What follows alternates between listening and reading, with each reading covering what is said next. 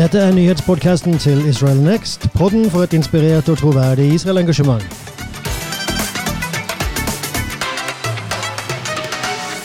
Jeg heter Roar Sørensen og sitter her i studio, og dette er Inside Out, som gir deg nyhetsperspektivene fra Israel. Vi gir deg nyhetsperspektivene fra Israel fordi vi tror og mener at eh, det er noe som kristne spesielt eh, behøver. Men alle som vil eh, si noe godt om Israel, behøver å være informerte. Så Derfor så går vi litt i detalj på forskjellige ting som hender i landet. Og uh, forsøker å uh, gi de israelske perspektivene som finnes på det. Som jeg har nevnt tidligere, så finnes det jo ikke bare ett israelsk perspektiv på saker og ting. og det er jo det er jo tydelig eh, når man bare tenker over det, men eh, jeg får veldig ofte spørsmålet hva mener jødene om det her? Hva mener israelitter, israelerne om det her? Og som sagt, altså mener de veldig mye. Men vi eh, går rett på sak og begynner med den her. Som altså er vår transition, vi, som vi bruker mellom hver nyhetssak. Og vi begynner med den første saken som altså har å gjøre med det her spenningene som finnes på israelsk grense, både i nord og i sør. Og faktisk ikke bare på Israels grense, men selv inne i landet. Vi tar det steg for steg. Eh, I nord så har Hizbollah vist tenner. Eh, og det har jo veldig ofte vært eh, spenning mellom Israel og Hizbollah opp igjennom de siste ti årene. har det vært sånn. Men etter som Hizbollah ble aktiv Hizbollah er jo en terrororganisasjon shia-muslimsk terrororganisasjon som også er aktiv i Syria. Og etter at de ble aktive i Syria, så har Israel skada og drept flere av de sine terrorister, som da holder på der. Fordi Israel har sagt at vi kommer ikke til å tillate at Iran får fotfeste i Syria. Og Iran er jo den som støtter både Syria og Hizbollah. Så det som skjedde, var her for to-tre uker siden at en Hizbollah terrorist ble drept, og eh, Hizbollah skylder på Israel. Noe som ganske, ganske godt kan være sant. Men, eh, og da har de sagt at de vil ta hevn over det her.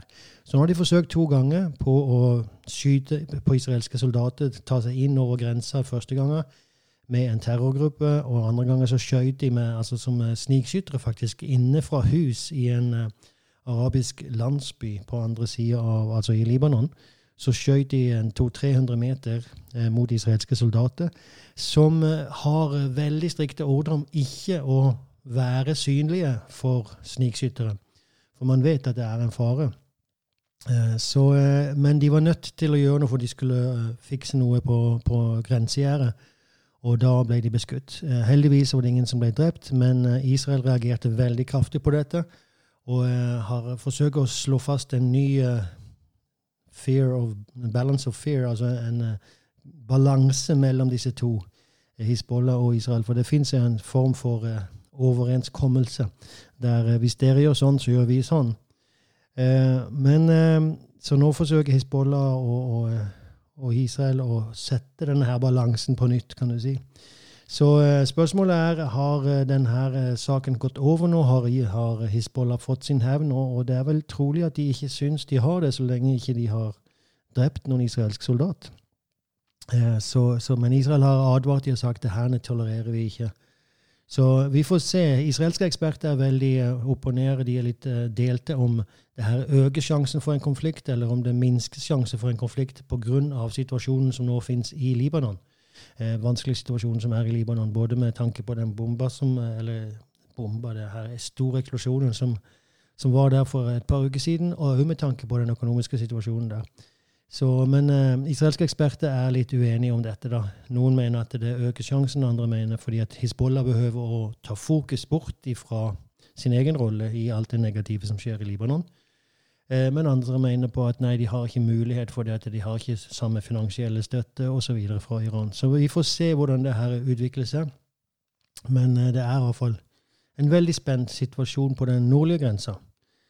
Når det gjelder den sørlige grensa, som er altså mot Gaza, Hamas eh, i Gaza, så har det jo der vært veldig eh, hett de siste dagene. Og i dag morges, altså fredag det her, fikk et veldig bra tips fra noen som hører på dette, at jeg må si eh, hvilke dato vi snakker om, sånn at eh, hvis folk hører på det her seinere, så, så, vet de hvilket dato det er. Og for det, det er, for det, første så er det den andre Inside Out som gir nå, og datoen er 28. august.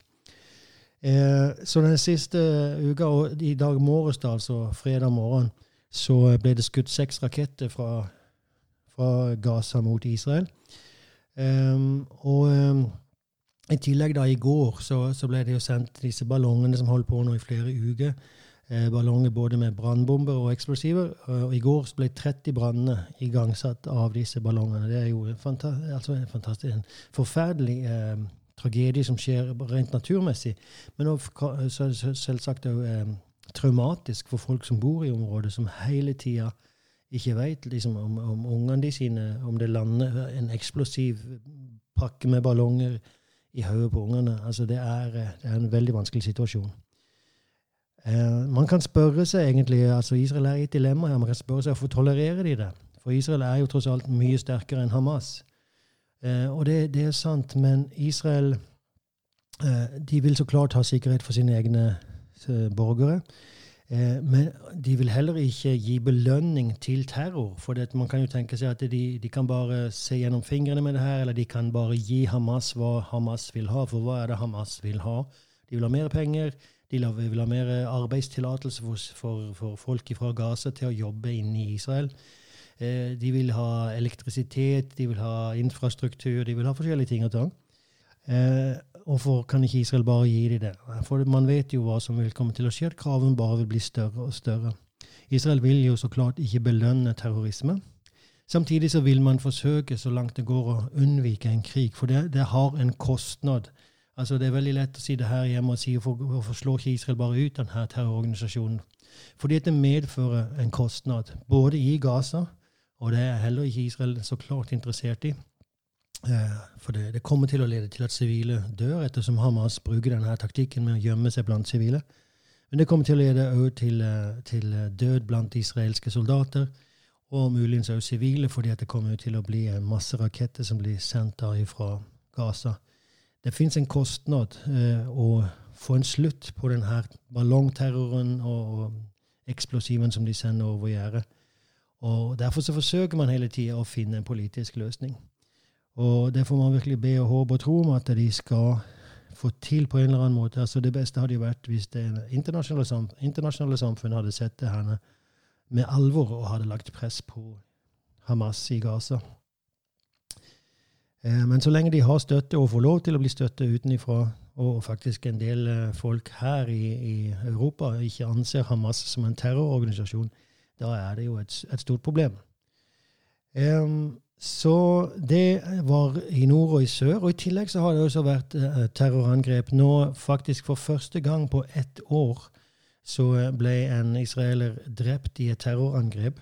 Uh, og det var en rabbiner i Petar Tikva, en by som ligger ikke langt fra Tel Aviv, altså midt i sentrale Israel.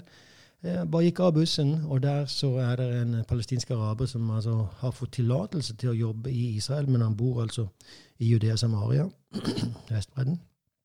Og eh, han hadde da eh, Han bare hadde funnet fram en kniv og så begynte å, hogge ned denne mannen. Og han døde da på sykehuset etterpå. Han ble tatt, eh, han var 30, eller han som ble drept, var en rab rabbiner som heter Shai Ochayon. Og han var 39 år, far til fire. Eh, tragisk, hele den saken. Terroristen var 46 år, far til seks. Ikke en typisk terrorist, ikke profilen for en terrorist. Og det er sikkert derfor han hadde fått eh, oppholdstillatelse, eller ja, arbeidstillatelse i Israel. Men uansett så, så, er det nå et år siden siste gang eh, noen ble drept i et terrorangrep. Det her betyr ikke at ikke det fins terrorangrep, og det er viktig for oss å forstå. Eh, det israelske etterretningstjeneste og sikkerhetsstyrkene de avverger daglig mellom én og to terrorangrep, større terrorangrep daglig. Altså, Det er helt utrolig altså, hvor effektive de er. Samtidig så finnes det en masse terrorangrep som fremdeles lykkes, kan du si, som, som, blir gjennomført. Veldig ofte da i Judea Samaria, men som ikke har dødelig utgang. Eh, men eh, som, som, definitivt er dødelig i sin hensikt. Så det her er jo uh, det er faktisk et tema for en, for en større sak å, å snakke om har Israel en sikkerhetstrussel. Og det er jo klart at uh, For de fleste av oss så, så, er det åpenbart at Israel har en sikkerhetstrussel. Men for våre politikere så virker det ikke som at man tror det. man, man, uttaler seg i alle fall ikke som om Israel skulle ha en sikkerhetstrussel. Så det var om spenninger både i nord, i sør og i senter.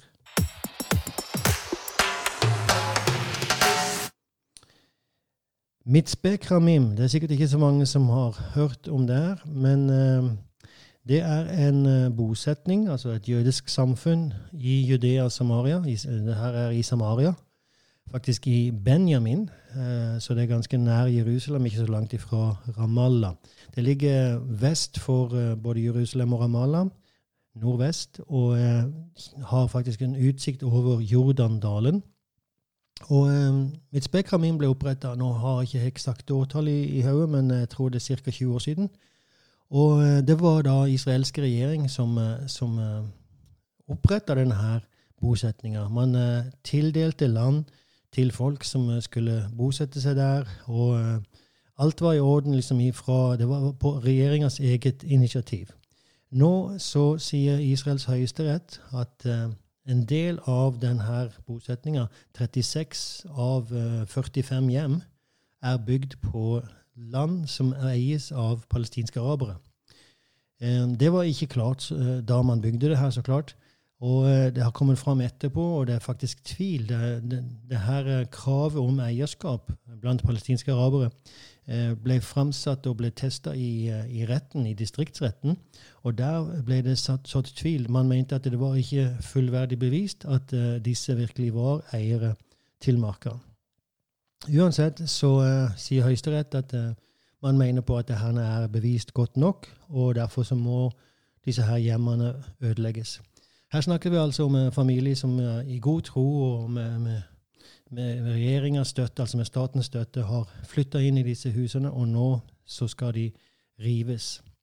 Man skulle jo tenke seg at om det virkelig er så at denne marka er privateid, så, så er det klart, da, da, er det jo et problem. Men da finnes det jo en annen løsning som heter kompensasjon.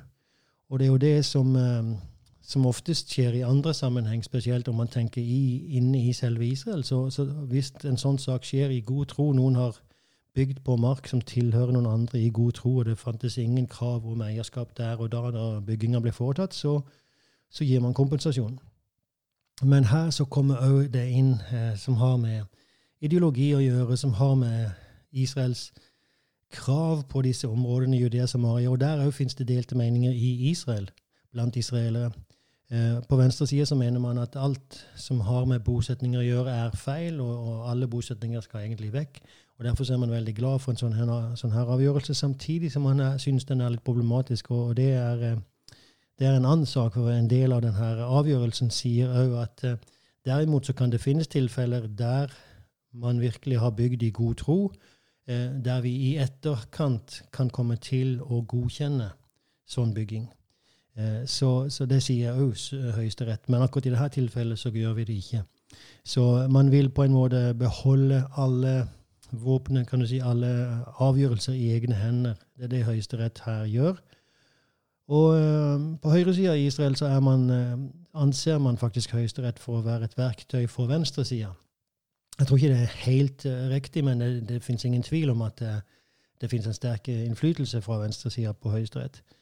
Uansett så er det her veldig trist, for det, så, til syvende og sist så er det jo altså familie som har det er barn, barnefamilier. Det Her, disse bosetterne er ofte religiøse, de har ofte veldig mange barn. Og de er født og oppvokst i dette området i, i denne, på denne plassen, og nå så blir de altså rykka opp fra sine egne hus og hjem. Så eh, en uh, veldig tragisk sak. En avgjørelse som kom i, i går. Det er, siste ord er ikke sagt i denne saken. her. Det, det kommer til å bli både politiske og kanskje rettslige etterfølge, altså konsekvenser av denne, denne avgjørelsen. I mellomtida så eh, har vi en regjering i Israel som eh, halter framover. Forrige uke så snakka vi om at det, det, kunne bli snakk om en nyvalg. Det ble avverga. Man utsatte denne budsjettfristen. altså Man skulle, var nødt til å vedta eh, statsbudsjettet eh, innen eh, forrige uke, dato i forrige uke. Men det man gjorde, var at man utsatte den fristen. Man vedtok en lov som utsatte fristen, og man utsatte den med 120 dager. Så nå er det 23. desember som gjelder.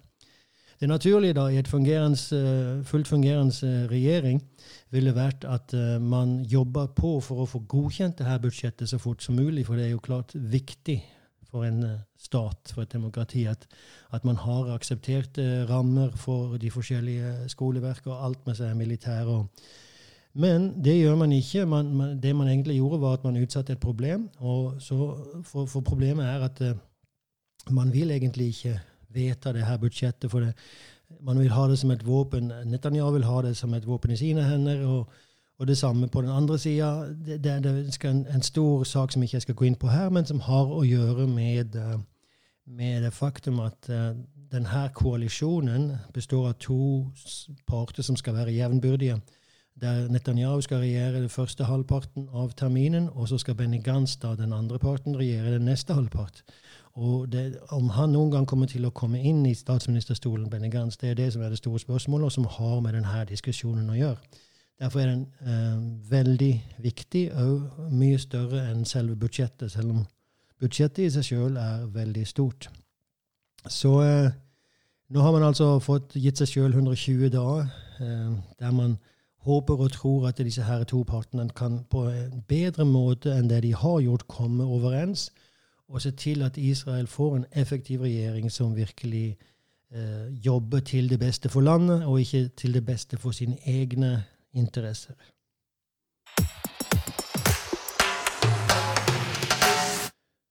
En ny sak eh, som eh, kom opp nå denne uka, og som faktisk er veldig eh, revolusjonell, eller altså kontroversiell definitivt, men, men, den er litt sjokkerende, det er at man vil forsøke å forandre uh, the law of return, altså retten om tilbakevending, loven som, som sier at uh, at alle jøder har lov til å vende tilbake til Israel, og alle barnebarn av jøder. Altså hvis en av dine besteforeldre er jøde, så har du òg rett til å vende tilbake.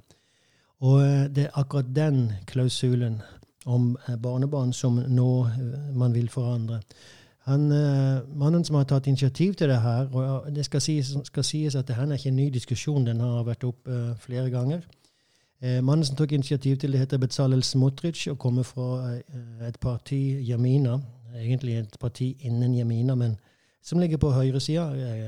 som man kaller de ofte ekstreme høyre, men det, det vil ta litt tid. Men han ligger definitivt til høyre for Likud. Er ikke med i regjeringskoalisjonen for øyeblikket. Et parti som ledes av Naftali Bennett, for de som kjenner til dette. Og han Bezalel Smotric da mener at uh, loven burde egentlig følge halacha, som er jødisk religiøs lov. Og, og, her har vi da en en sak som uh, Vi kommer faktisk til å snakke mer om det her når vi skal ha vår neste um, fulle episode der vi har et tema vi, som vi kaller zoom out. Så kommer vi å snakke mer om spørsmålet hvem er en jøde, og, og, og det som har med lov, loven om tilbakevending å gjøre. Men halakha sier jeg at din mamma må være en jøde for at du sjøl skal bli ansett som jøde. Uh, ifølge the law of return, altså loven om tilbakevending, så holder det altså at en av dine besteforeldre er uh, jøde for at du skal ha rett til å vende tilbake til Israel. Det betyr ikke at du regnes som jøde, men du har rett til å gjøre lia. Og det er en, det er en stor forskjell.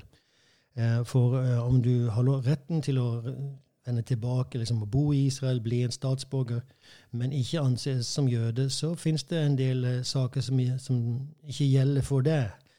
Blant annet som har med rabbinske lover å gjøre, annet som har med giftermål å gjøre. Og, uh, så det her er en stor sak spesielt for de religiøse partiene. så det som Smotrich er redd for, er assimilering, som altså er at jøder mister sin identitet. Eh, det, er et stort problem spesielt blant jøder i USA, der man gifter seg med ikke-jøder og, og fostrer opp barn eh, ikke ifølge uh, jødisk tradisjon osv. Så, videre, så man mister sin jødiske identitet. Eh, så det her er en stor sak. Det, skaper stor kontroverse blant politikerne. og Smotrich sier òg at han, han, påstår at det her gjelder spesielt de russiske jødene.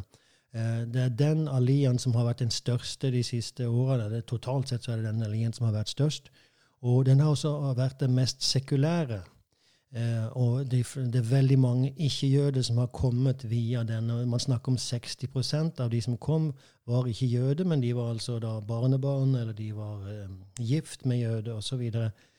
så så han, han, sier så her at nå har de kommet. De som kom av uh, idealistiske grunner, har allerede kommet. Hvis det kommer flere nå, så kommer de av økonomiske årsaker. Det er hans påstand. Uh, den er nok uh, litt tvilsom, for den som kjenner til Israel, vet at mange av de russiske jødene de strever økonomisk, selv om de har stor, god utdannelse. De kan være doktor og professor i da de var i Russland, Ukraina osv. Men de kommer til Israel, og de finner seg ikke jobb. Så Blant annet pga. språket, at ikke de ikke kontrollerer språket. De kommer i ganske voksen alder, og er vanskelig for de å lære seg språket ordentlig. Så det, det her er et, et tvilsomt krav eller påstand fra Smotrich. Uansett så er det her en veldig en varm politisk potet. Fordi at uh, disse som kommer fra Russland, de stemmer veldig ofte på partier i Israel som er innvandringspartier, spesielt russiske innvandringspartier. Så, så, klart at disse partiene står jo veldig steilt imot det her forslaget. Så vi får se hvordan det her leder, men uh, det finnes sterke røster i Israel uh, som uh, tar til orde for at denne klausulen om barnebarn må avskaffes. Man, man, vil, man sier ikke at man skal gå tilbake til at du må være jøde ifølge halakha, Altså bare om du, din mamma er jøde. Det er ikke det man sier. Man sier jo, men òg den du er gift med, kan få komme, og deres barn får komme. Men ikke barnebarn. Så vi får se hvordan det her leder hen. Og vi skal altså som sagt snakke mer om det her i vår neste eh, Zoom Out, som, eh, da vi skal gå litt mer på dypet i denne saken.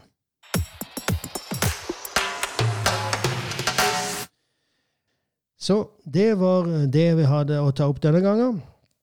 Og til slutt så vil jeg bare si at liker du dette her og synes uh, det gir deg noen ting, så får du gjerne være med og støtte det. Vårt Vipps-nummer er 57 34 12. 57 34 12, eller du kan gå inn på vår webside og gi der. Da sier vi takk for denne uh, oppdateringa. Det var altså Inside Out 2 den 28. august.